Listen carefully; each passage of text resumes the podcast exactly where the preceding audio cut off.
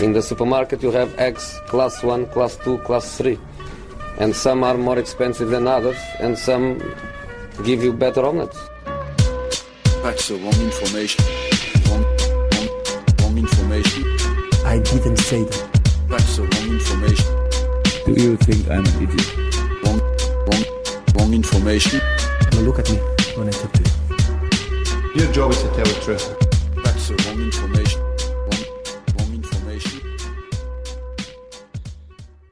Ja, välkomna till Sillypodden hörni. Makoto med mig i studion. Frida finns med mig på andra sidan vattnet, andra sidan telefonlinjen i London. Eh, hur mår du Frida? Eh, alldeles strålande, eh, trots att man fick reda på igår kväll att eh, pubbar och restauranger och så vidare kommer stänga klockan 10 på kvällen hädanefter. Men jag är glad ändå. En hel timme tidigare än vad de normalt sett gör. Va? Ja, det är inte Västerviks tider som gäller i London tror jag. Nej. Det brukar vara lite annat. Nej, men när jag, eh, det, det är inte riktigt så länge, men förr i tiden så stängde ju alla pubbar klockan 11. Ja, fast Gjorde de? det gör de inte längre. så att, Det eh, var, det är en det var när jag bodde i England. Det var länge sedan. Eh, det var jättelänge sedan, jag, jag är medveten om detta. Men ehm, det är inte därför vi är här. Vi är här för att vi ska prata om eh, Suarez misslyckade språktest. Eller, alltså, bara så här kombination, alltså allt med det här. Juventus, Suarez, fuska på ett, på ett prov. Det är, det finns, det, det är så bra är det. Ja, det är underbart. Det är ju, alltså nu, nu blir ju Juventus-supportrarna arga förstås på oss som vi kallar dem för fuskare. Men eh, supportrarna är inte fuskare. Men, Jag men, tror de men har hört det förr. det, det, fi- det finns ju ändå någonting i att, att eh, eh, fnissa lite åt när Juventus eh, blir sammankopplade med, med eh, rykten om fusk. Och det är samma sak med Suarez. Även om man gillar Suarez som fotbollsspelare så här, som Liverpool-supporter eller Barca-supporter eller Ajax eller vad fan som helst. Han har fuskat även på planen vid ett eh, eller två tillfällen, så är det ju. Ehm, och den här kombinationen av de här två parterna och det här testet och Ja, det, är, det är magiskt. Det, det håller på att bygga upp till ett, en av de bättre eh, transfersopporna där faktiskt. Ja, alltså det finns så många parametrar och det här Suarez-soppan man inte vet ska börja, men vi börjar med just språktestet. Så alltså, det, då är det ju, ja det är nationell polis som helt enkelt utreder för att de har fuskat i det här testet i Perugia, att han redan har fått sitt resultat på förhand. Testet ska ha tagit typ 40 minuter för Suarez att göra, fast det egentligen borde ha tagit typ två timmar. Enligt de här då läckta telefonsamtalen som ska ha framkommit så ska ha sagt att så, man kan ju ingen italienska, liksom. han kan ju knappt böja ett verb, han vet inte liksom vad han håller på med.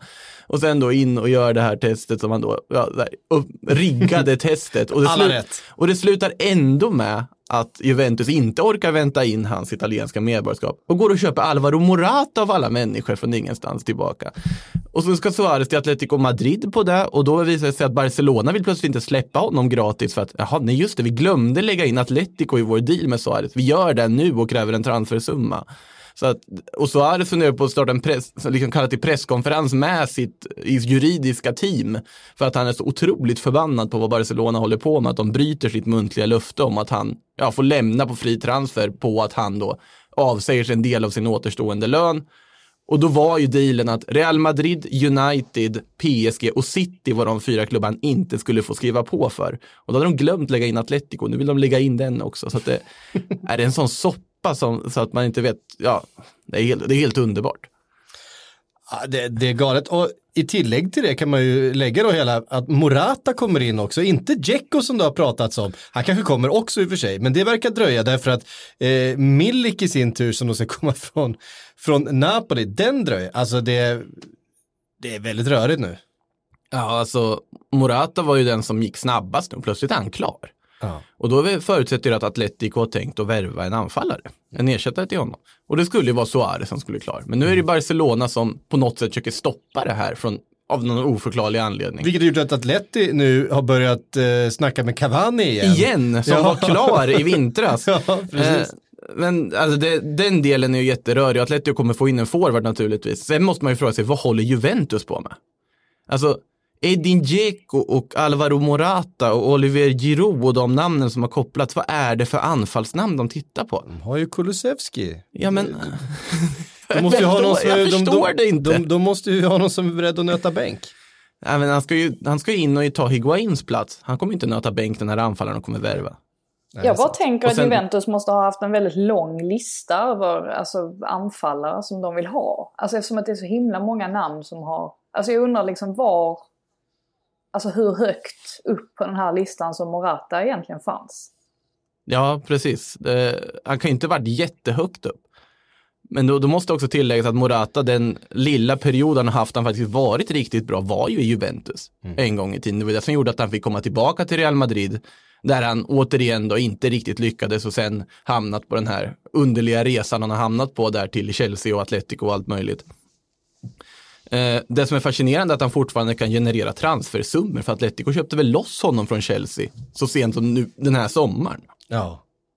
Ja, ja det- så var det. Och eh, om jag har förstått det rätt så är väl den här då affären med Juventus, nu vet jag inte om det är helt officiellt allting bekräftat, han är ju på plats och gjort läkarundersökning och, och så vidare, men det ska väl vara någon form av lån, rätta mig om jag har fel, med då en obligatorisk köpoption på liksom 40 miljoner euro. Det är nästan lite så här pengatvättsvibbar på... Alltså för att... Det är jättemycket Alltså han har ju trots allt gjort, han har gjort fem övergångar sedan 2014 var det väl. Och den totala summan låg någonstans, jag tror det var 250 miljoner kronor. Alltså det är, eller två- 245 miljoner euro var det nog. Alltså det är ganska, det är en ganska saftig siffra ändå. Han börjar väl att peta på Zlatans rekord där va? Det här om alltså sammanlagda transfersummor i karriären. Ja. Måste han ju vara. Ja, det måste han ju vara. Vad, vad är Zlatan uppe i egentligen? Väldigt mycket pengar också med Ja. alla de flyttarna. Men Ja, sen har det ju varit fri transfer sån senare tid. Morata, hur han fortfarande lyckas få de här övergångarna är ett mysterium för mig. Han var bra i Atletico Madrid under våren, absolut, men Inte så bra. inte så bra. Och han har inte åldern för att värderas till det i de här tiderna. Han har ju egentligen aldrig varit så bra.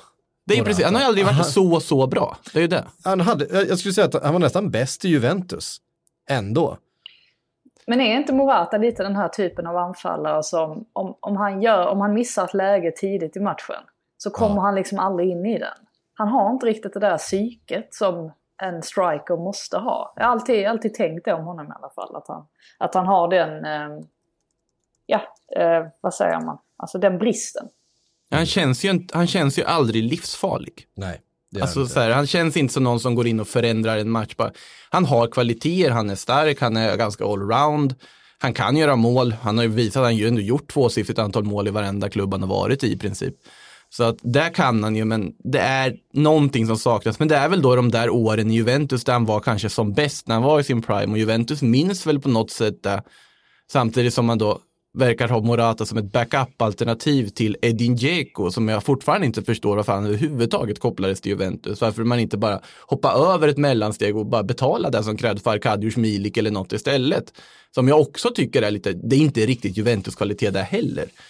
Är det, Suarez fanns ju en logik i, men där så lyckades man just då alltså fuska på ett språktest som därefter inte spelar någon roll för man inte orkar vänta på resultatet av språktestet som redan var avgjort på förhand och sen då plockar Alvaro Morata istället. Ja, det, ja, jag, är bara, jag är bara förvirrad. Ja, det, känns som att det är många inblandade i den här soppan som är förvirrade också. Eh, ja, alltså om det nu blir så att Suarez eh, lämnar för Atleti, ja, det, ni vet ju vart ni hörde det först va?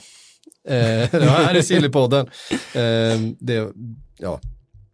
Det var ju en av så här fem klubbar. Så det var, det var jag tycker- jag tyckte det var- 20% i chansning. Det var snyggt det ändå liksom. Sen behöver vi inte nämna att det var mer så här, visst skulle han passa där? Det var inte ja, snarare.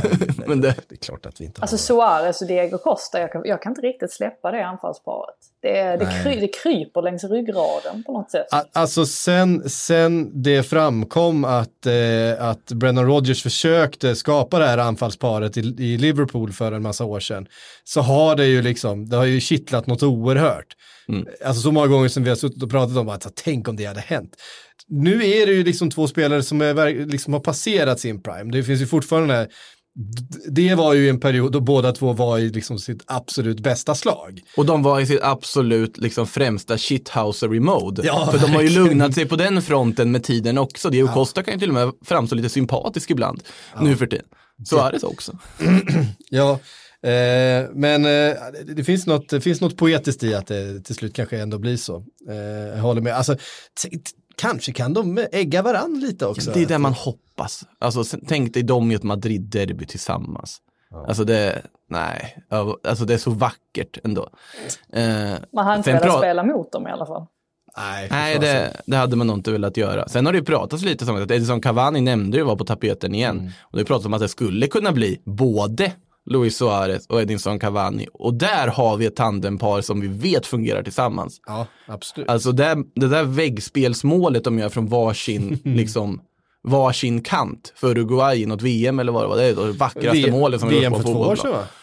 Ja, det kanske det till och med var. Det är fruktansvärt snyggt i alla fall. Och det är, är unikt mål. Och den liksom, förståelsen de två har för varandra är också helt unik. Så det hade man också velat se. Sen undrar jag varför Joao Felix in i hela den här biten. De la ju en miljard på honom förra sommaren. Ja, precis. Han måste ju dra ner åldern i alla fall. han, han, han måste in bara för att få ner ålderssnittet. Ja. Ehm, eh, för det, det kommer ju vara en och annan höftledsprotes som kommer krävas under säsongen om du ska spela med den trion. Ja. Eh, ja, vi lämnar den soppan här, vi kommer ju såklart komma tillbaka till den fler gånger i den här podden före fönstret stänger. I, igår Frida satt vi i eh, Sportbladets Premier League-podd och hintade lite om att vi skulle prata Dele Alli och eventuellt Jesse Lingard in till Spurs. Nu har väl det rykt, ryktigt hunnit dö lite grann, i alla fall det om Jesse Lingard in till, till Spurs. Eh, som ju var den roligaste delen eftersom det gjorde, gjorde Spurs Twitter så otroligt arg. Eh, Kan man ju förstå. det kan man förstå, eh, men det är kul. Det är. Däremot så är frågan vad som händer med Dele Alli, Frida. Blir Ja. det PSG eller? Alltså Dele Alli, det är ju alltså det är en riktigt sticky situation med honom. Ehm, nu har han ju inte varit med, Eh, eller han var ju inte med nu i truppen mot eh, Southampton, så det hintade ju om att det är någonting på gång i alla fall. Eh, och så som man har förstått eh, utifrån så vill eh, Livi vill behålla honom. Eh, Mourinho kan vara öppen för att eh, han flyttar. Eh, och det ska handla om ett lån då främst. Det är väl i alla fall det som det främst pratas om. Och det svåra med Dele Alli är ju att det var ju ganska länge sedan han var bra egentligen i Spurs. Alltså han har åtminstone haft ett och ett halvt år nu där han inte alls har kommit upp i nivå. Han är ju även en spelare som är ganska svår att inkorporera i ett lag idag. Alltså man vet inte riktigt vilken typ av spelare Dele Alli är. Jag tror inte riktigt han själv vet det heller. Och med tanke på att hans bästa position möjligtvis är som tia så kan man inte heller se att det finns några jättemånga lag, i, i alla fall i, i Premier League, där han liksom passar in. Så att det hade möjligtvis kunnat vara bra för hans egen del för att nu kommer ju Gareth Bale in vilket gör att alltså, hans speltid kommer att bli lidande ännu mer antagligen. Och en flytt hade kanske varit bra på ett sätt för att lite få igång honom igen, att han, han ska hitta sig själv lite grann. Um, jag, jag tror inte att det här är... Det är klart att man kan peka finger mot Mourinho till viss del och tycka att hur kan du inte hitta en plats för, för Delle? Men som sagt, det här har ju varit ett alltså, ganska långt och utdraget problem. Det har ju absolut inte varit så här enbart sedan Mourinho klev in.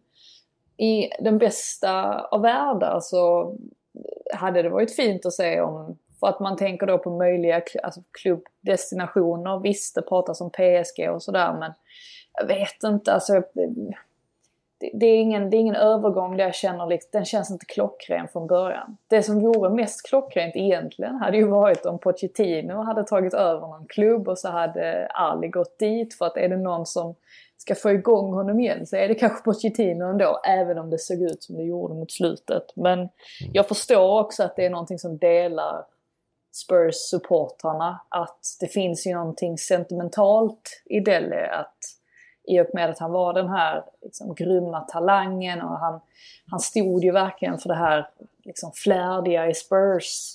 Och sen dess så har det liksom inte riktigt, eh, han har inte lyft eh, sen dess och har inte liksom presterat på någon högre nivå. Så att nej, det är en eh, svår situation det här tror jag för alla parter egentligen att lösa. Det känns ju som att eh, Mourinho på något sätt försökt men sen på något sätt gett upp med honom. Alltså de som inte har sett eh, Tottenham-dokumentären tänkt att se den får väl spola fram en halv minut nu men den säger ju där också liksom att ja, men han pinpointar ju Delhi i princip direkt när han kommer dit bara att det här är en spelare som jag vill lyfta men han levererar inte tillräckligt mycket på träningsplanen. Han, jag måste lyfta honom. Han verkar inte riktigt lyckats göra det om man sätter honom i ett läge här där han i princip fryser ut. Och han gav väl honom chansen och sen bara okej. Man, kan ju, man kan ju faktiskt påminna om vad alltså, José Mourinho sa på den allra första träningen när han träffade Dele. Så, så frågade han Dele, är det du som är Dele eller är det hans bror? Alltså att han Mm. menade på att Dele hade inte varit sig själv under en lång tid men att han ju faktiskt är en oerhört Mourinho-kompatibel spelare egentligen. Han är ju det. Han är ju Och verkligen det vet jag att många lyfte också när Mourinho blev klar för Spurs att det här kan vara världens chans för Dele att verkligen få det här, eh, eh, jag menar att komma tillbaka till, till eh, gamla dagar lite grann. Alltså att hitta, hitta tillbaka till den formen där han var så himla bra.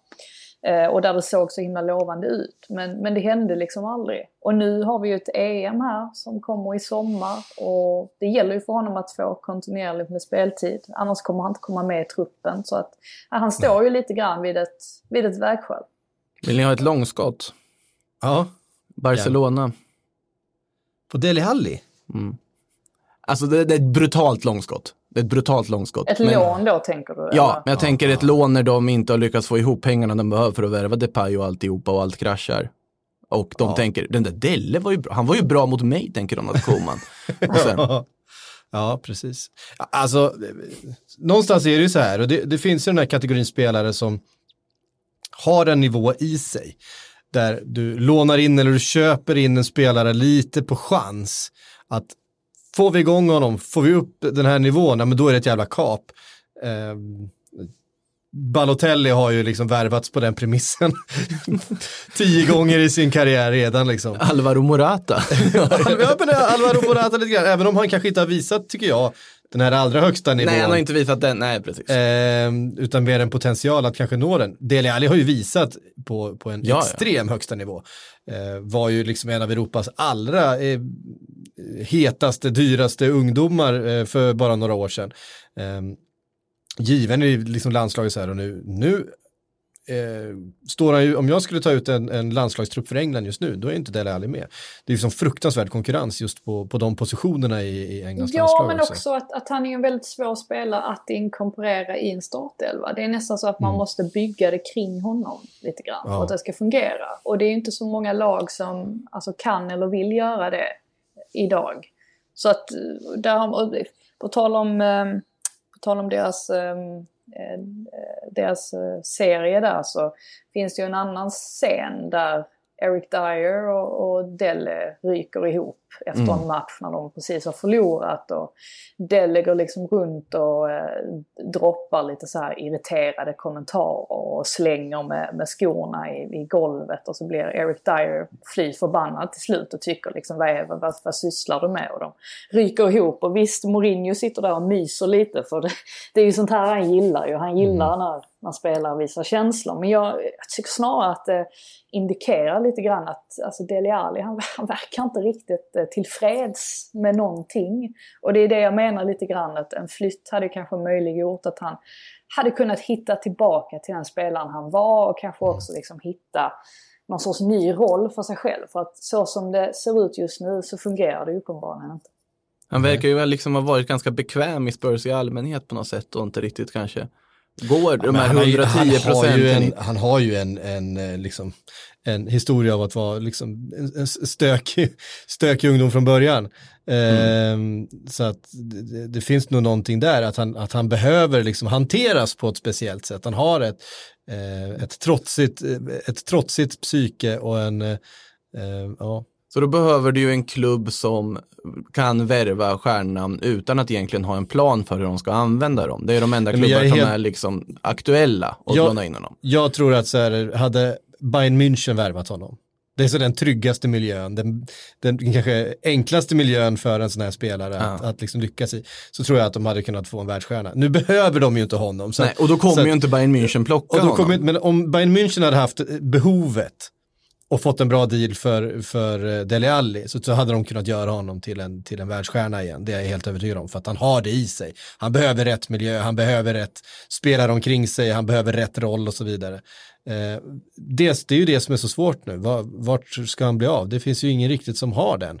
Eh, så som du säger Frida, att han är väldigt svår att stoppa in i en startelva dessutom. Det, ehm, och jag menar, ska han gå till något storlag då kommer det bli bänken och då ska han liksom spela sig in på något sätt och, och hitta sin egen roll i, i ett lag och det vet jag inte vad han är byxad alltså, för. e- Egentligen det han har att välja mellan det är ju att, precis som du säger, antingen gå till en liksom, riktigt stor klubb och, och främst liksom, få komma in från bänken. Alternativt gå till en lite mindre klubb där han får vara liksom, det stora namnet.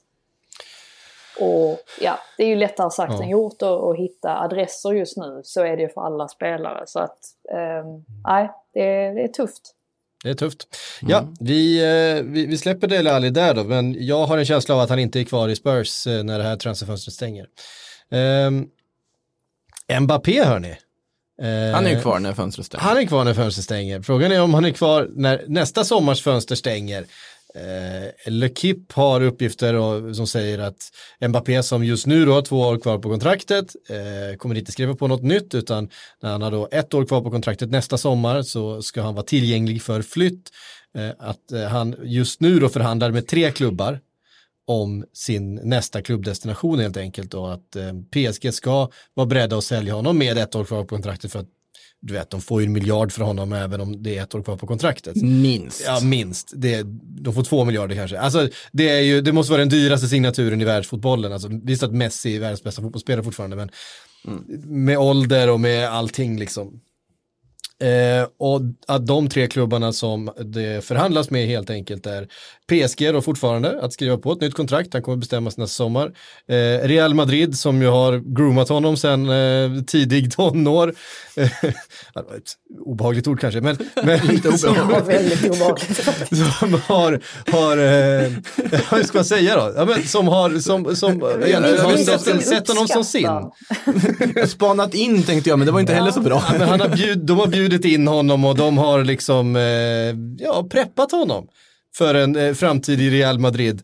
Eh, ja, sen han var väldigt ung. Och ett Liverpool då som tredje lag som man slänger in i en sån här artikel för att det ska få riktigt mycket spridning. och, För att Liverpool-fansen ska kunna hashtagga Mbappé 2021 och ha någon form av förhoppning om att de ska kunna få honom. Ja, nej men det där var ju ett skämt som eh, dök upp som baserade sig på att, eh, det, att nu höll jag på att säga Dele Alli, men att Mbappé, han har ju någon slags, vet jag, Nike sponsors kompisrelation med LeBron James. Um, och LeBron James äger några procent i, i Liverpool genom uh, Fenway Sports Group. Uh, och det här blev liksom som ett meme inom uh, Liverpool eh, supporterkretsar Mbappé 2020. Ehm, och det är klart att, eh, och vi vet, det finns ju dokumenterat att Liverpool försökte faktiskt värva Mbappé redan 2017, alltså före han slog igenom med Monaco. De gjorde inte alla klubbar det. Eh, men ja, de var en utav, var en utav många klubbar som, eh, när han var ungdomsspelare, försökte värva honom. Ehm, och Fenway ska ha liksom identifierat honom tidigt då, som alla andra. Han var ju liksom bästa 16-17-åringen eh, i världen då också. Ehm, och att det finns liksom ett, ett dokumenterat intresse. Eh, också har han själv sagt att han har pratat med, han har liksom själv också spelat lite på det här. Det finns mycket Liverpool-supportrar där ute och det, det är ganska kul att slänga ut ett litet sånt där köttben eh, då och då på sociala medier. Han har liksom sagt, ja men jag spelar alltid med Liverpool på Fifa och såna här saker eh, som man gör. Men, men visst är det dags för flytten till Real Madrid nu, Makoto? Ja, alltså jag har ju sagt hela tiden att Mbappé kommer ju spela för Real Madrid förr eller senare och jag kommer sitta i den båten hårt, med, mer liksom fastklämrad än vad sitter i Kepa-båten och den ligger ju nere liksom i ja, havets, havets botten och dansar med liksom eh, krabban från Lilla Sjöjungfrun, typ. det är den nivån på det. Så att, men Mbappé, Men det gynnar, ju- det måste säga, det gynnar ju Mbappé också att Liverpool är med i de här, i de här Naturligtvis. artiklarna. Därför att de, de behöver ju leverage gentemot alla andra parter. Eh, och att kunna använda, jag menar, Nike finns där, Nike liksom eh, eh, tröjsponsor för Liverpool nu, LeBron James, ja, men allt det här att, att eh, det är en gynnsam situation för, för Mbappé också. Även om vi vet att FSG inte kommer betala den typen av övergångssummor som det, som det handlar om. Eh, för att det är liksom inte så man, man jobbar. nej, Eh, Real, alltså Real Madrid har väl sålt, tror jag, 16 spelare det här transferfönstret. Om man räknar då med spelare som varit på lån och B-lag och alltihopa. Ja. De har värvat noll. ja, Förutom att ta hem Ödegård från ett lån och Borja Majoral av en anledning också. Eh, så att de bygger, de, ja det finns eh, coronarelaterade anledningar till att man inte värvar, man behöver inte värva, man har inte pengarna för att värva och alltihopa. Men såklart det är så att man förbereder ju för Mbappé 2021. Ja. Det, det känns ju, allt tyder på att man gör det. Ja, det tycker jag. Det, det eh, är jag också faktiskt tämligen övertygad om. Frida, säger du emot? Nej, det gör jag inte. Jag tror väl eh, framförallt på den där eh, ja, kopplingen med Zidane och att jag kan tänka mig att Mbappé Mm. själv vill, eller väldigt gärna vill spela under honom. Sen är det klart att det, det är inte omöjligt med, med Liverpool heller. Eh, det är kanske skönt för oss i och för sig att det bara är två klubbar det pratas om så att vi Mm. blir mindre att spekulera kring. Ja, precis. Nej, men det, det är ju en väldigt lång förhandling här om det ska, det ska vara sign-on-bonusar och det ska vara eh, det ena och det andra. Vi och- kommer få chans att slänga in både Barcelona och Manchester United på vägens gång. Alltså kan ni se. Och Juventus kommer nog in på ett hörn också. Väl när det är dags att börja spekulera på allvar om det. Ehm, ja, alltså eh, Chelsea kanske har en plats kvar där i anfallet också. Ja, Chelsea ska också in i, i soppan. Bayern München ska tacka nej vänligt men bestämt ungefär i maj. och sen... Precis. Bayern München har dra- has pulled out of the race to sign Exakt. Mbappé. Och de gör det officiellt också. det, det sker också garanterat. Eh, på tal om eh, Chelsea då, man har eh, fortfarande inte gett upp jakten på Declan Rice, Frida. Nej, Snacka- men det Snackas om tror jag man 80 får miljoner pund. Ja, eh, jag tror dock att man får ge upp eh, den jakten. Eh, jag Alltså, kan, jag kan inte gärna mig, sälja honom. Nej, jag kan inte tänka mig att... Eh, alltså, det man har hört kring West Ham också är ju att de verkligen har satt ner foten och sagt att Declan Rice kommer inte lämna under det här fönstret. Och det var väl delvis därför också man sålde Diangana, eh, som det blev så upprört kring. Eh, just att man liksom skulle kunna undvika då att sälja Declan, Declan Rice oavsett hur mycket Chelsea då... Ja, det är klart att det finns ju alltid... Allting har ett pris ju, eh, självklart. Men eh, att man i alla fall inte ska behöva sälja Declan Rice eh, om man inte vill. Så att eh, ja, jag tror att han blir kvar i åtminstone en säsong till. Sen är det mycket möjligt att han eh, att, de slår till, att Chelsea slår till nästa sommar. Men för nu så verkar det ju snarare som att West Ham är väldigt målmedvetna kring att få in spelare, inte att släppa dem. Och då är de ju på jakt efter en mittback och det är väl fortfarande Tarkovsky som det pratas mest om då från eh, Burnley. Men eh, det är det de vill hinna ordna innan fönstret stänger. Men alltså 80 miljoner pund. Alltså om de skulle få ett sånt bud från Chelsea.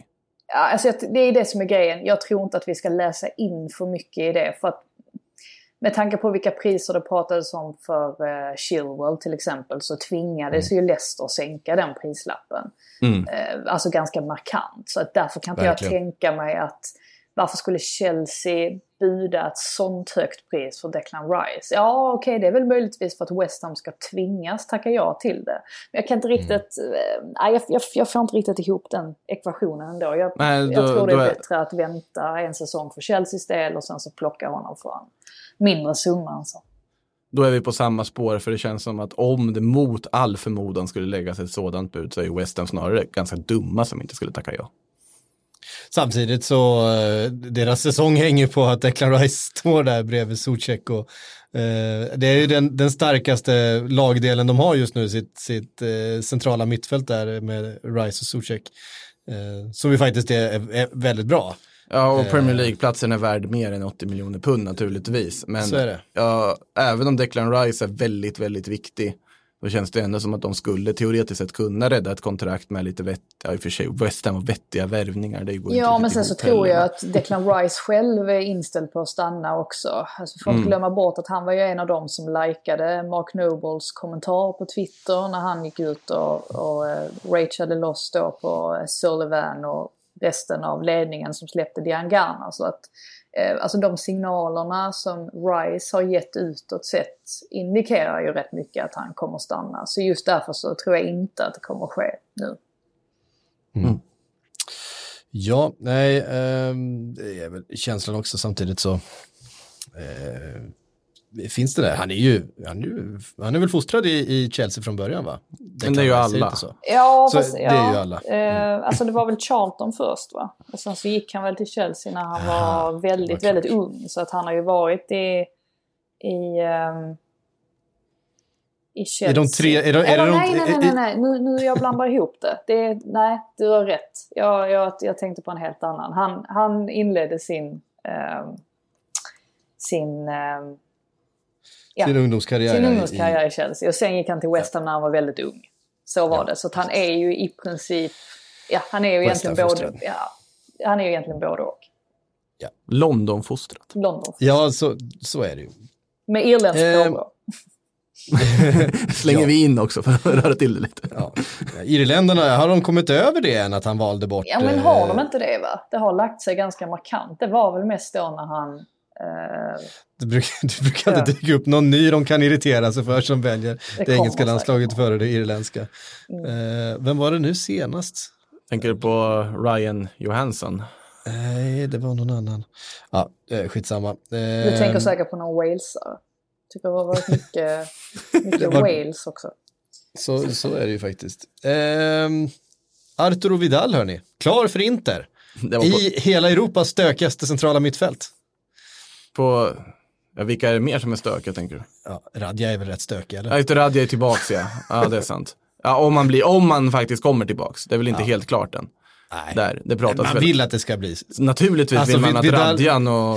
Vidal och Radja tillsammans. Naturligtvis vill man se det, det, det är ju drömmen. Och sen Suarez Costa framför. Alltså det, nej men, det, den här värvningen har man ju på något sätt bara väntat på ska ske. Pratade jag om det hela förra vintern och blev inte av. Och då hamnar Eriksen där istället. Eh, nu så Barcelona vill ju väldigt öppet vill göra sig av med Vidal. Inter såg chansen, men du kan faktiskt få Vidal, det är inte så dumt. Och plockar in honom, så det är väl en jättebra förstärkning. 10 miljoner euro är väl priset. Så här, I sammanhanget symbolisk summa när Barcelona då offloadar det mesta de har som är över 30. Ja, precis, som måste rensa lite i den där löneposten. Eh, Så är det. Nej, men det, det, känns, det känns ju bara så här rimligt allting. med Vidal. Nej, det är rimligt, det är rimligt. Sen, sen Barcelona kanske egentligen borde ha kastat Arturo Vidal, det är en annan historia, men det finns ju värre saker som gjorts i Barcelona på senare år. Så att det här blir bara en, en liten droppe av alltihopa, känns Mm. det som. Vi stannar i Barcelona då. Nelson Semedo till Wolves snackas det om. 29 miljoner pund. Alltså, till att börja med, det är ju den spelaren som Barcelona sagt att de kan tänka sig bli av med som faktiskt kan generera en transfersumma. Ja. Och han har ju ryktats till varenda klubb i princip som Barcelona har haft någon form av swap deal ambition med. I om det är City eller om det är Juventus eller vad det nu är så har det alltid varit Nelson Semedo som ska in på ett hörn och det har alltid varit han som av någon anledning varit intressant för de andra klubbarna. I Wolves fall här så får de ju en kanonersättare tycker jag till Doherty i det här läget. En- De behövde ju verkligen en höger wingback som kan hantera den rollen. Han har ju varit lite defensivt tveksam i Barcelona, kan nog passa ganska bra och få spela med en trebackslinje bakom sig istället. Eh, tycker det är ett vettig, vettig summa också för den spelaren. Vettig flytt för Nelson Semedo, han får ju prata portugisiska med resten av gänget där. Eh, och Barcelona i det här läget, jag förstår varför de vill sälja på något sätt. De har Sergio Roberto som vill de ha en ung högerback som ska konkurrera med honom som ersättare. Och då har jag pratat om både Serginho Dest och även om Max Aarons på den positionen. Eh, även pratat om Diogo Dalot lite faktiskt, sjukt nog. Men eh, Du kan Alltså, väl slänga in varenda portugis i ekvationen. så Ja, liksom, många portugiser i många olika ekvationer. Men i alla fall, Semedo till Wolves tycker jag känns som en vettig affär för alla parter. För Barcelona behöver ju som sagt generera transfersumma om de nu ska göra allt de planerat att göra. Och Wolves behövde sin högerback och nu får de en som är erfaren från högsta nivån, inte särskilt gammal och säkerligen kommer leverera också. Så jag tycker det är en kanonvärvning. Framförallt så är det kul nu med, alltså spännande att se Wolves 2.0 för att det är lite, lite det de strävar efter får man säga. Eh, med tanke på att de liksom dels nu ska ändra om sitt system lite grann och de har ju plockat in Fabio Silva där som är, liksom, får ju anses vara en jättespännande talang med tanke på att de har lagt så mycket pengar på honom utan att någon han, har spelat, han har spelat 17 minuter senior, seniorfotboll. jätte...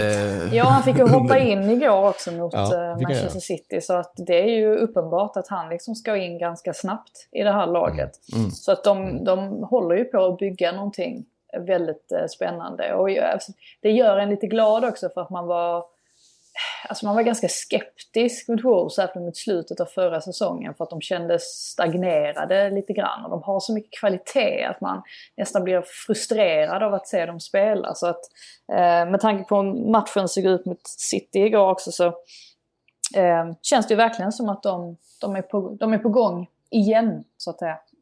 Ja, i alla fall andra halvlek känd, så, så Ja, bra de hade ju För- så först- mycket lägen. De skulle ju ha liksom, reducerat mycket tidigare och då tror jag att det hade blivit mer spännande också. ja. Vi måste prata Diogo Jota. Det har vi inte gjort i...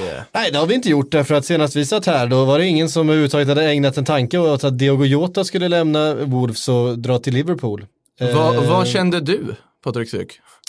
Eh, jag, eh, alltså jag tycker att Diego Jota just nu känns exakt som en eh, FSG-värvning. Det känns, eh, eh, om, om eh, Thiago inte kändes som en typisk FSG-värvning, eh, utan han kom liksom på en annan typ av meriter. Han, han, han liksom han fanns tillgänglig, det var inte en del av vår normala modus operandi, men det var för bra liksom för, att, för att tacka nej till på något sätt.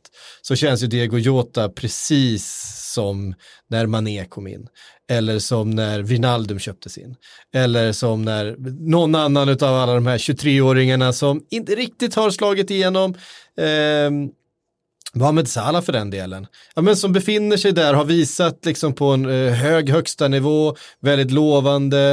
eh, och som man är liksom köper in för att utveckla vidare, för att hitta en roll. Man har identifierat precis vad det är som man ska utveckla hos de här spelarna. Man har en väldigt stor tilltro till sin organisation för just det här. Man, man har en långsiktig plan. Ehm, så att det här känns ju väldigt mycket som en väldigt typisk Liverpool-värvning. Mycket pengar, det ska man ju komma ihåg att eh, de trixar ju lite med siffror med tanke på att de köper en, en, eh, en, eh, tonårig mittback från Liverpool för 13 miljoner pund. Jedi-riddare, Kiana. Kiana Hoover, ja. ja. Så han var väl kanske 10 miljoner eh, över, övervärderad i pris om man säger så. Eh, Alltså Jota Ja, är ju väldigt bra, så. alltså Jota är ju en väldigt bra omställningsspelare framför allt. Ja. Och ehm, det, alltså, dels, det här är ju verkligen en sån affär där man känner att det här är nog en seger för alla parter. För att dels, alltså Wolves kunde ju omöjligt tacka nej till den typen av bud för honom. Och i och med att de ändå ska liksom göra om lite i, eh, i eh, sättet de spelar på och sådär så, så, så fick man, alltså mot Även om man säkert gärna hade velat behålla Jota så var det ändå värt att släppa honom. För Jota så blir det ju, han har inte varit given eh, varje vecka. Nu får han liksom komma till en klubb där han har möjlighet att liksom utvecklas ännu mer. att inte vara given. i- Ja, nej men alltså han har ju liksom bänk som bänk egentligen. Alltså han vet om att Ja, han kommer att få precis. spela också. Att, Ja, alltså, ja. det är så mycket Herregud. matcher och det är så mycket kupper och så vidare. Att han, han kommer få sina chanser. Så att det här känns verkligen Mm. som, en, som en övergång där alla nog eh, säkert är väldigt glada. Det, men det är väl så att man inte betalar hela den här summan direkt. Va? För Nej. det är därför, det är det som är skillnaden på Timo Werner, alltså nej tacket till honom.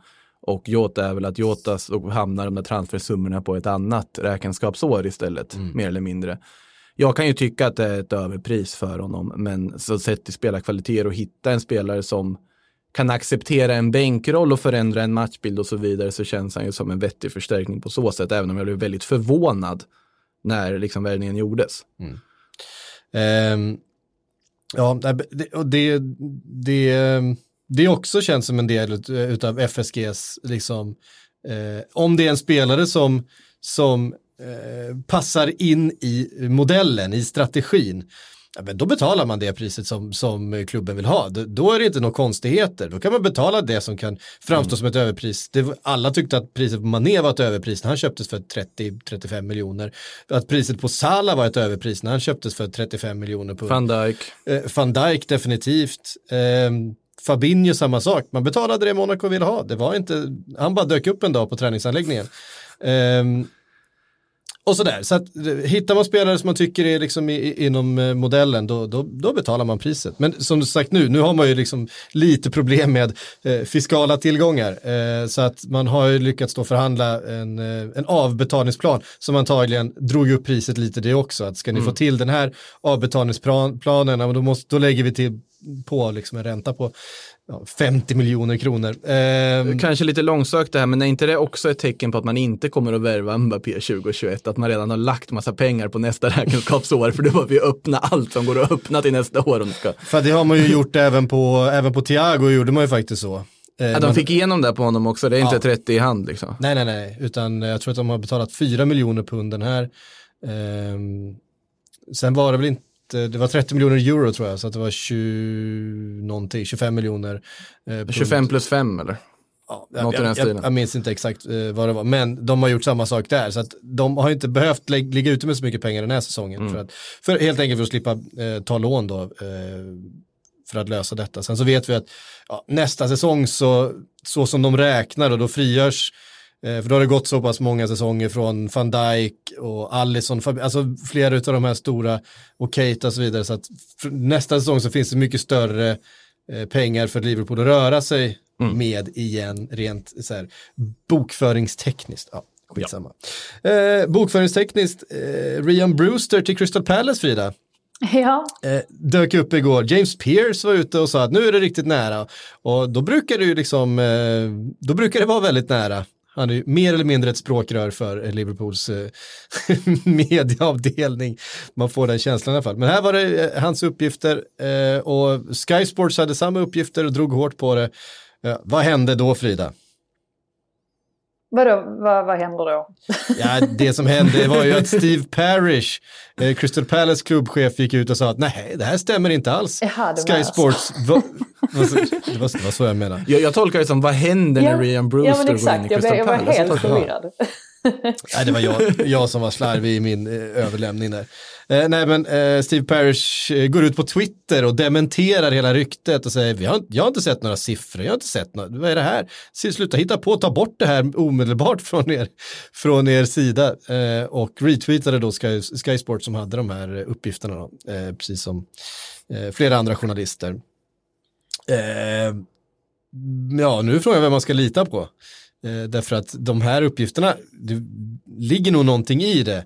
Eh, samtidigt så, eh, alltså skulle han nu bli klar för Crystal Palace för de här summorna som det har pratats om, då kommer ju Steve Paris att se ut som en fåntratt istället. Ja, alltså det, det som jag eh, tror mest på, alltså jag kan tänka mig att de har liksom hört sig för om Rian Brewster. Eh, det är säkert mycket möjligt, men det man först och främst har hört är ju att de först och främst planerar att sälja då Sörlott till Leipzig och sen så de pengarna därifrån ska användas på eh, Ben Rama från Brentford. Och att det var anledningen till att Saman Ghoddos blev klar för Brentford nu häromdagen. För att Brentford ska ha råd, eh, alltså både eh, alltså sportligt sett också då, att kunna släppa Ben Rama. Eh, för att jag är...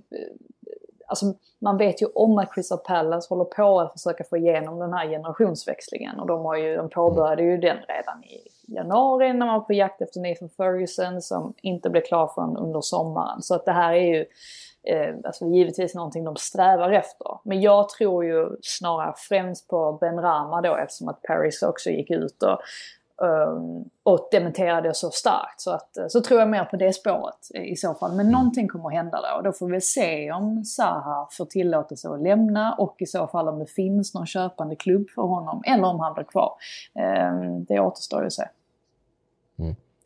Ja, det var, det var någon som hade räknat ut i alla fall att om, om, eh, eh, om Crystal Palace eh, köper Brewster för den eh, prissumman som det var prat om, 20 23-24 miljoner pund Och det är exakt den summan som nämns för Ben Rama också ska sägas. Ja, ja. Ehm, då skulle Crystal Palace helt enkelt ha köpt Sako, Benteke och Brewster från Liverpool till en summa av 81 miljoner pund. Ehm, det tackar vi för i sådana fall. För det, ja, ehm, ja, ja. Eh, det tyckte jag var lite roligt. Eh, vi får se vad som händer där i alla fall. Sen så är det ju så att Brewster kommer ju behöva lämna på sig, eh, alltså flytta på sig. Jag kan tänka mig att det har också varit snack om att eh, Origi ska vara på väg bort eller vilja hitta en ny klubb för att kunna få mer speltid. Diego Jota går ju rakt in som det, liksom fjärde alternativet till eh, topptrion. Vi har också sett att Minamino eh, har liksom ett större förtroende tror jag än eh, Divock Origi. Det här är någonting som jag har tänkt på i flera dagar nu.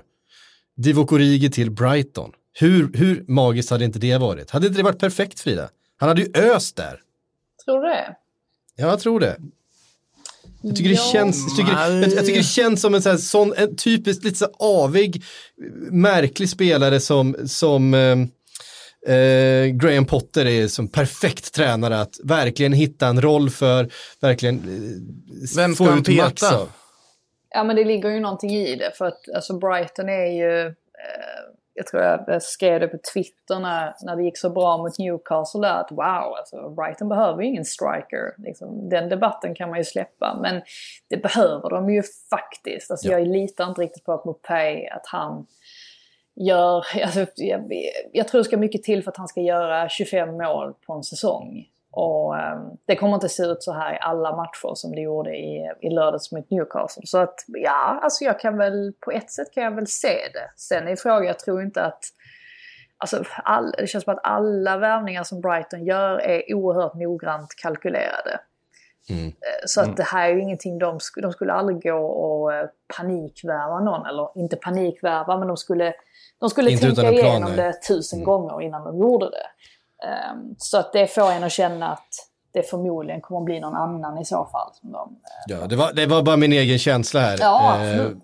Så att, att eh, det är någonting, alltså Origi har ju otroliga liksom, egenskaper. Han är Han snabb, är han är stor, han är stark och ja. han har ett fantastiskt avslut och allt det där. Men han är så jävla konstig så att det är omöjligt att spela med honom.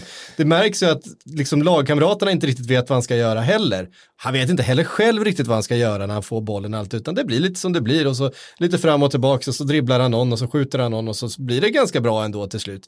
Eh, för det mesta, för att han har otroligt mycket liksom, eh, kvaliteter eh, i sig själv. För två år sedan hade jag sagt Valencia. Ja, inte nu va?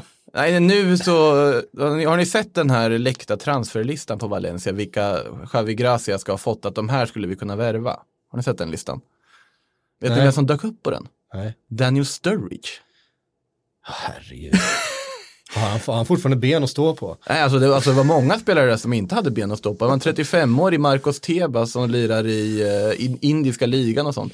Bara, bara en liten passus, men där, om Valencia hade haft någon form av kapital att värva för, då hade det varit en, kanske någonting. Ja, det, var, det är något, något som har gått och skavt hos mig i alla fall. Att, eh, jag, vet, inte, jag, bara, jag bara, bara kände som att eh, Origi och, och Brighton hade, det fanns något eh, giftastycke i mitt, eh, i mitt huvud där mellan, mellan de två. Skitsamma, vi ska vidare till Arsenal som fortsätter då eh, sprida ut rykten om pa, eh, Partaj, som han fort, fortfarande inte heter, Partey. Det andra eh, raka avsnittet du säger partaj om partijen. jag, jag, hörde, jag hörde det i huvudet före jag sa det också, men jag kunde inte stoppa munnen. Det är ju kul. Det är ju kul. Ehm, No Thomas, no party som man brukar säga. Åh, jag, vill, jag, vill, jag vill att han och to, att Thomas Kalas och Thomas Partaj ska spela tillsammans. Thomas Kalas.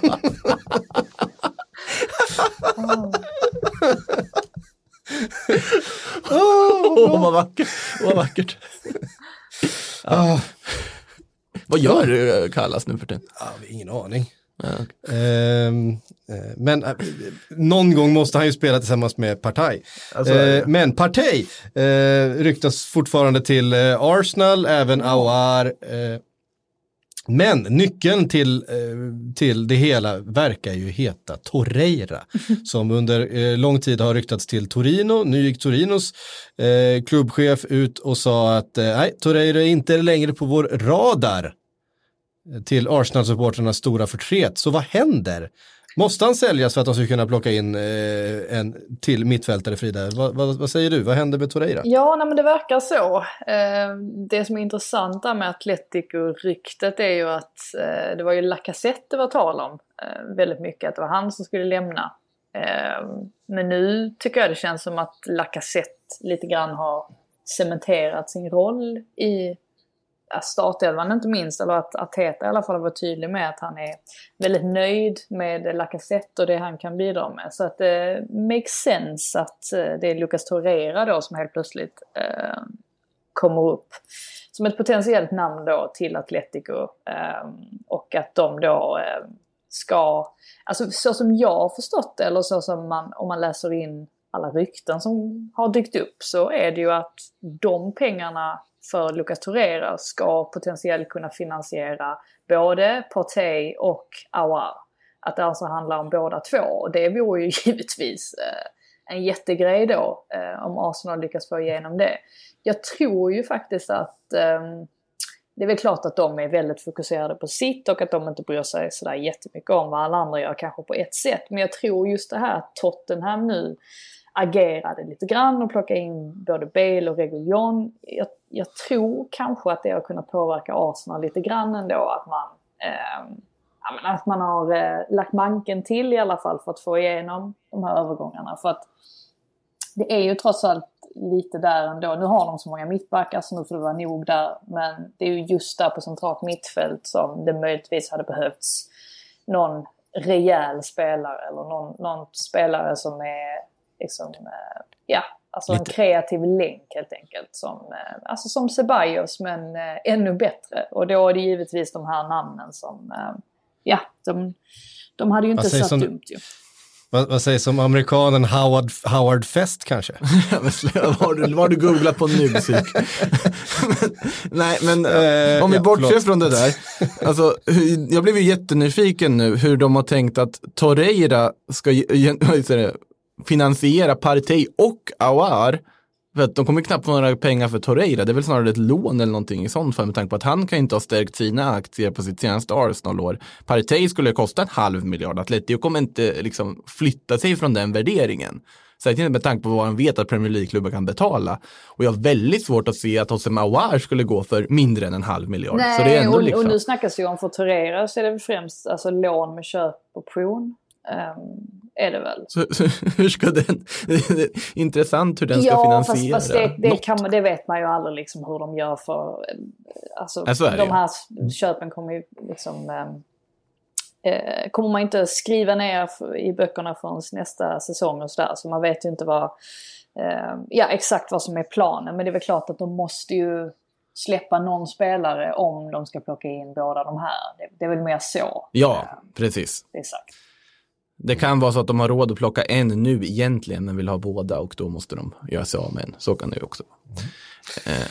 Ja, eh, vet ni vad, vi har fått jättemycket frågor som vanligt. Jag tycker vi, vi dyker rakt in i dem nu. Eh, så bara, ett, ett extra getöga på körschemat, se ifall jag har glömt något. Ja, jag hade ju glömt din punkt Frida, Ravel Morrison. ja. Östersundsprofilen. Den här stackaren tänkte jag säga. Men jag tycker nu lite ja, Det är fan i det han, han har grävt sina egna jo, gropar. Jo, men Sir Alex skulle ju inte ha hypat honom så. Det var ju det sämsta nej. han kunde göra eh, då för mm. alla dessa år sedan. Eh, nej, han är ju klar för eh, Eredivisie. Deo Den Haag kommer han eh, representera framöver. Lämnar ju då Sheffield United. Det blev ju inte sådär jättelyckat. Han skadade sig ju tidigt på försäsongen förra året och sen så kom han liksom aldrig riktigt med i det. Eh, det var väl främst för att det gick så bra för Sheffield United också. Eh, men ja, tionde gången gilt eller vad, vad säger man? ja, jag tror att vi ska inte hoppas för mycket eh, för den gode Det är alltid ett litet så här varningstecken så fort en britt lämnar Premier League för nederländska ligan. Då vet man att det börjar gå lite ut för den gör en Ellen Pardew liksom. Ja, exakt. Nej, ja, det äh, Ravel har, har ju liksom gjort sitt på något sätt. Eh, känslan. Han kommer väl eh, kuska runt som en, vad heter, vad heter han, amerikanen? Eh, Freddy Adu. Fred, Fred, som en Freddy Adu, ja. Eh, på olika, han dyker, alltså han har redan, han har, han har redan gjort en vända i Östersund liksom. Snart i en Valencia-önskelista nära dig skulle jag säga, Travel Morrison. Precis. Jag har fått en fråga här från Erik Sundell. Finns det något att se fram emot som United-supporter? I allmänhet i livet? ja, jag tror det. Eh, det är ju... Mycket rykten i alla fall. Alex Tejes, ja, om det blir av, tycker jag är något att se fram emot eh, Tejes är det som känns eh, allra närmast just nu då. Eh, och de behöver ju in en vänsterback. Eh, så är det ju. Vi gick ju in på Dembélé-spåret igen idag i rykteskarusellen också såg jag. Att han, han var Ja. kopplad, kopplad återigen till United på ett lån och Barcelona vill ha en miljard och ja, ni vet ju precis hur det låter. Eh, så att han, han, vi ska väl rykta in honom lite grann igen också innan Alltså vi det, fönstret. det som egentligen är oroväckande för United-supportrar det är ju att eh, Manchester United verkar ju ha så himla svårt att få till övergångar. Eh, alltså att det här är ett mönster som vi har sett, ja men som vi såg med Fernandes övergången också, Mm. att det drog ut på tiden. Och Harry Maguire, James, Ja, alltså precis. Wan-Bissaka. Ja, alla drog ut på tiden. då, då kan man ju liksom fråga sig vad, ja alltså hur, det kan vi ju inte veta hur det går till i förhandlingsrummet. Och, men uppenbarligen så är det ju någonting som de kanske inte gör hundraprocentigt rätt. Alltså det vi kan konstatera i alla fall är ju att en ytterligare en mittback som det har pratats mycket om, alltså det inte ska vara prioriterat överhuvudtaget. Mm. Eh, inte ens efter Lindelöfs eh, display här i, eh, i helgen. Eh, där anser man ju liksom att man har, ja men Chris Smalling, de har inte kommit överens där med Roma än så länge. De har Tuan Sebe, de har eh, Ted Mengi också, den här 18-åriga stjärnskottet. Så att eh, det Marcos finns... Rojo. ja, ju. Det är Eh, bara jag som räknar in Marcos Rojo fortfarande. Ah, jag älskar jättebra. Marcos Rojo. Eh, ja, men så att det, det finns namn att ta av. Problemet är att Solskjaer verkar inte lita på någon av dem. Så att det, det är därför han liksom envisas med att är spela. Lindelöf. Så att, ja, men det är ju liksom Sancho. Det är ju det de fortsätter att traggla kring. Men det verkar ju som att det är hela tiden Dortmund som liksom har alla äggen i sin korg. Det, Ja. det känns inte som att det, det kommer hända just nu. Ehm, så att det är frågan Nej. vad som, vad som sker. Och- Och det är ju känslan hela tiden, när, tycker jag man får när Manchester United just nu är inblandad i en eh, transferförhandling, är att motparten sitter på alla trumfen. Ja, Jag vet inte hur de har hamnat i den situationen. Det är samma sak med Upa- Upamecano. Eh, de har identifierat den här mittbacken superbra. Det är en spelare alla vill ha. Manchester United känner att Upamecano vore helt perfekt. Absolut. Ja, då ser eh, Leipzig till att bara skriva ett nytt kontrakt med honom. Helt plötsligt blir det jättesvårt för United att förhandla. De kommer få betala jättemycket eller få vänta till nästa år och då får, alltså, eh, jag vet inte, det Ja. känns som att det är svårare för United än för alla andra klubbar att, att genomföra affärer Och då kan, vi förbättra ju, sitt lag. då kan vi ju även liksom eh, påtala igen då, alltså Spurs, att de ganska snabbt ordnade både Bale och Reguilon. Eh, förvånansvärt snabbt, alltså man ser där, det, det är någonting uppenbarligen som inte är, står helt rätt till. Eller, eller som hade kunnat vara bättre i alla fall i styrelserummet. Men de, Eller kolla, kolla bara Everton, men om vi tar en klubb som ju ändå är under Manchester United i, i, eh, eh, Hierarkin. i, i hierarkin. Eh, där Ancelotti liksom handplockar de spelarna han vill ha runt omkring. Eh, bara lyfter en Allan från Napoli, det är ju verkligen en spelare som United hade haft hur mycket nytta av som helst just nu. Han hade varit perfekt, liksom som, de behöver verkligen defensiv mitt- mittfältare. Men det är Carletto som plock, handplockar dem. Det är Ja. skillnad på att ha Carletto som ringer till James Rodrigo och säger du vi hade ju kul i, i Madrid där. Ska vi, ska vi hänga igen? Men det är, ju- det är ju fucking Ch- Manchester United. De borde, alltså det här är spelare, om Everton kan lösa dem på, eh, på tre veckor, Ja. då Problem- förväntar man sig att United ju- ska kunna göra det. Problemet liksom. är att Manchester United har sagt, att- tänkt att vi är fucking Manchester United i tio år utan att de faktiskt riktigt är där någon mer. Det är ju där problemet ligger. Då deras, de är inte där i hierarkin. De börjar jobba sig ganska sakta uppåt nu. Sen var man ju förvånad att Donny van de Beek, att det gick så smidigt som det gick. Ja, Men det var ju också, då har du Edwin van der Sar som fast jag sportchef. precis säga det. Då har man den länken. Eh, och Ja. sen så i, i Chamens fall så, så är egentligen det mest imponerande med den övergången är ju att Everton uppenbarligen inte betalade någon övergångssumma överhuvudtaget. Ja, det kom ju fram där efter att det pratades om att det var summor. Men då undrar man om det finns någon liten gömd summa som har eh, ju- luskat in sig i någon klausul Kan någonstans. det alltid göra. Det är ju kanske möjligt, men det var ju uppenbart att Real bara ville bli av med hans lön. Alltså det, Ja. ehm, så att där ser man, eh, nej, alltså det är olika, olika sätt att arbeta på, men det är ju någonting som eh, United inte gör eh, hundraprocentigt bra i alla fall. Det är det. Marcel Brands är också en erkänt duktig sportchef. Ja, det är han och eh, United har Ed Woodward. Det, det är ju också en skillnad i sig. Men vi får väl se vad de, vad de gör nu resten av det här fönstret. Jag tycker ju ändå att United senare år att de värvningar de gjort har varit bra värvningar. Sen att det har dröjt och att det har varit lite strul hit och dit innan de har blivit av så har det ändå varit bra värvningar. Så vi får väl se om de faktiskt gör fortsatt bra värvningar om de gör några fler i det här fönstret. Ja, eller sen om de är det väl inte, alltså till, till um, liksom Ed Woodwards försvar så är det väl egentligen, alltså det, allt ljus är väl på Matt Judge, alltså numera. Alltså att eh, Ed Woodward har tagit liksom, han tar ju större ansvar för den finansiella eh, och PR-mässiga biten. Ehm, Så att det är liksom Matt Judge som har varit mest involverad i, i övergångarna. Men, men visst, det hade säkert behövts en ny sportdirektör eller liknande. Och någon som heter Judge känns inte som lätt att förhandla med. Spontant. Nej. Ehm, eh, Mackan undrar, eh, vad tycker Makoto om Kunde i Sevilla? Är han bra och värd pengarna? 70 miljoner euro som det snackas om. Eh, när du sa Mackan först tänkte jag på mig själv. Det Ja. kan man ju kalla det ibland.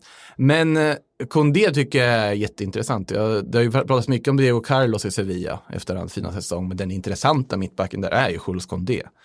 Sen är det ju intressant, för jag vet inte om det är riktigt den mittbackstypen City behöver för att förstärka laget Det här och glömde jag säga, nu. det är Manchester City som, är, Ja, det, det är en bra honom. poäng. Det, de har gett upp på Koulibaly sägs Ja. det. Om det ändå finns ett litet hopp om Koulibaly säger folk fortfarande. Men att det är Kondé istället då. Eh, För Kondé är ju, det är inte liksom den mest nickstarka mittbacken. Han är inte så här, liksom, så här stor och tung och en försvarsgeneral, utan han är en ganska liksom, mångsidig mittback, ganska unik mittback. Han rör sig över väldigt stora ytor. Han har liksom väldigt fin spelförståelse, jättelovande på alla sätt och vis. Och det är ju en jättebra värvning, men jag vet inte om det är den värvningen City behöver till sitt försvar här och nu. På så sätt. Sen kan det bli väldigt bra om han får lite tid på sig att utvecklas, för det är en, utan tvekan en bra värvning. Sen om man är värd 70 miljoner pund eller euro, vet jag inte vad det var, men här idag, där ska låtas vara osagt, även om jag tycker det har varit en kanonförstärkning som spelare. Sen om man är typen som City uppenbart letar efter, det är jag inte lika säker på. Även om jag fortfarande som sagt, bra värvning för att det är en jätteintressant spelare. Jag vet inte om det made any sense överhuvudtaget det jag sa precis. Men... Eh, Nej. Eh, Peter Griffin undrar, var ska Jota spela? Kommer han få spela? Vi pratade ju om honom innan. Eh, utan andra halvan av frågan är väl mer intressant. Vilka ryker i pool? Eh, Oxlade, Chuck, Origi, eh, Brewster har vi pratat om, verkar vara på väg ut. Jag tror att det blir fler. Jag lanserade eh, Origi till Brighton, men eh, vilka tror du Frida eh, lämnar? De kan inte ha kvar alla de här spelarna, eller hur? Nej, man tycker inte det. det, det och det hänger väl, det har vi ju sagt sedan dag ett egentligen, eh, att det hänger väl mycket på alltså vilka, vilka eh, köpande klubbar man kan hitta. Eh, jag tror att om den här, eh, alltså om pandemin inte hade skett så hade man nog ganska snabbt kunnat skeppa iväg, alltså Shakiri och Grujic och, och alla dem. Och så nu har det dragit ut på tiden betydligt och just eftersom att det inte finns så många köpare. Men det är väl klart att man kan tänka sig att någon måste ju försvinna. Det är bara frågan vem, vem det kommer att bli. Emil, eh, Emil Eyman Roslund, eh, Vår kollega. vår kollega, känd från Sillypodden, eh, skriver det på Twitter. Vilket trollande. Eh, visst gör Barcelona en Valencia i smyg? Alltså det är ju inte i smyg. Det är ju det är väldigt öppet Barcelona säljer av hela sin trupp i princip. Och Valencia, Valencia gör det på ett annat sätt. För att Valencia säger att de ska värva och säger att de ska föryngra och sen skickar de en önskelista med massa 35-åringar och värvar ingenting. Barcelona verkar ju åtminstone faktiskt försöka värva saker och försöka förändra laget även om de inte har pengar att göra det. Valencia har i princip bara gett upp och liksom tänt eld på Mestalla och sen gått hem. Om man tittar på deras alltså ledning då, vad Meriton-gruppen där sysslar med. Så att alltså Barcelona gör vad de gör och sen säger Valencia hold my beer och sen tar det till ännu ett snäpp. Skulle väl jag sammanfatta det kaoset som pågår i de klubbarna. Ja. Eh, det, är ju en, en pågående eh, tågolycka eh, att bevittna både, både Valencia och Barcelona. Skulle inte förvåna mig om Barcelona vinner trippel nu bara för att man har suttit så här under hela sommaren nu efter att Messi i princip gör här 70 mål och sen. Ja, sista frågan för, för det här programmet, Frida, den går till dig. Den kommer från Aktiediplomaten och han säger, han ber dig spekulera fritt kring vem nästa svensk i Premier League kan tänkas bli. Oj. Um, alltså jag hoppas ju att det blir Gyökeres. Ehm, um, Viktor Gyökeres som ju tillhör Brighton var utlånad uh, förra säsongen. Och eh, det verkar som att han kommer stanna nu. Eh, det är mycket möjligt att han startar ikväll i ligacupen. Så att eh, vem vet? Gör han det bra där? Han gjorde ju mål eh, förra veckan. Så att fortsätter han göra det bra så är det kanske inte omöjligt att vi får se honom i Premier League. Han startade väl senast i kuppen också? Ja, det gjorde han och gjorde mål. Ja, så att det, det känns ju ändå som att han då ingår i planerna. Man går inte in och bara startar i kuppen hur som helst, även om liksom, man roterar i kuppen. Men då, han tillhör ju ändå liksom redan ett, ett, ett lag. Om vi ska ta någon utifrån. Samba-Nicke säger jag. Niklas Eliasson. Hop- Hoppas man ju att eh, han, även om de skulle så vara i Bristol City, att han lyfter där. Eller att någon Premier League-klubb ser det han åstadkommer faktiskt i Championship. Att han får kliva upp. Då säger jag Robin Quaison till Burnley. Den blir av. Ja, i och för sig, den, den är ju fin. Den är ju fin faktiskt. Det hade man mått bra av. Det hade man, Det hade man ju faktiskt. Ja. Hörde ni, tusen tack för att ni var med idag. Frida Makoto, tack alla ni som har lyssnat, ställt frågor och så vidare. Sillypodden är tillbaka när ni minst anar det igen. Eh, Premier League-podden tillbaka om en vecka igen och sen så kommer det allsvensk podd och det kommer allt möjligt under hela veckan. Eh, det är bara att hålla koll på, eh, på poddspelaren. Och som sagt, ni vet det va? Att i eh, Aftonbladets egna app, där kommer poddarna först av allt. Eh, Så att före, före podden dyker upp i era så här, gammeldagsa poddspelare Gammeldags. så kan ni gå in då i Aftonbladets eh, eh, främst nu då iOS-app. Det kommer för er Android-människor också. Jag vet att det är, eh, det är lite orättvist än så länge. Men eh, där i appen kan man då bara klicka fram, där nere i menyn finns det en liten ikon för lyssna.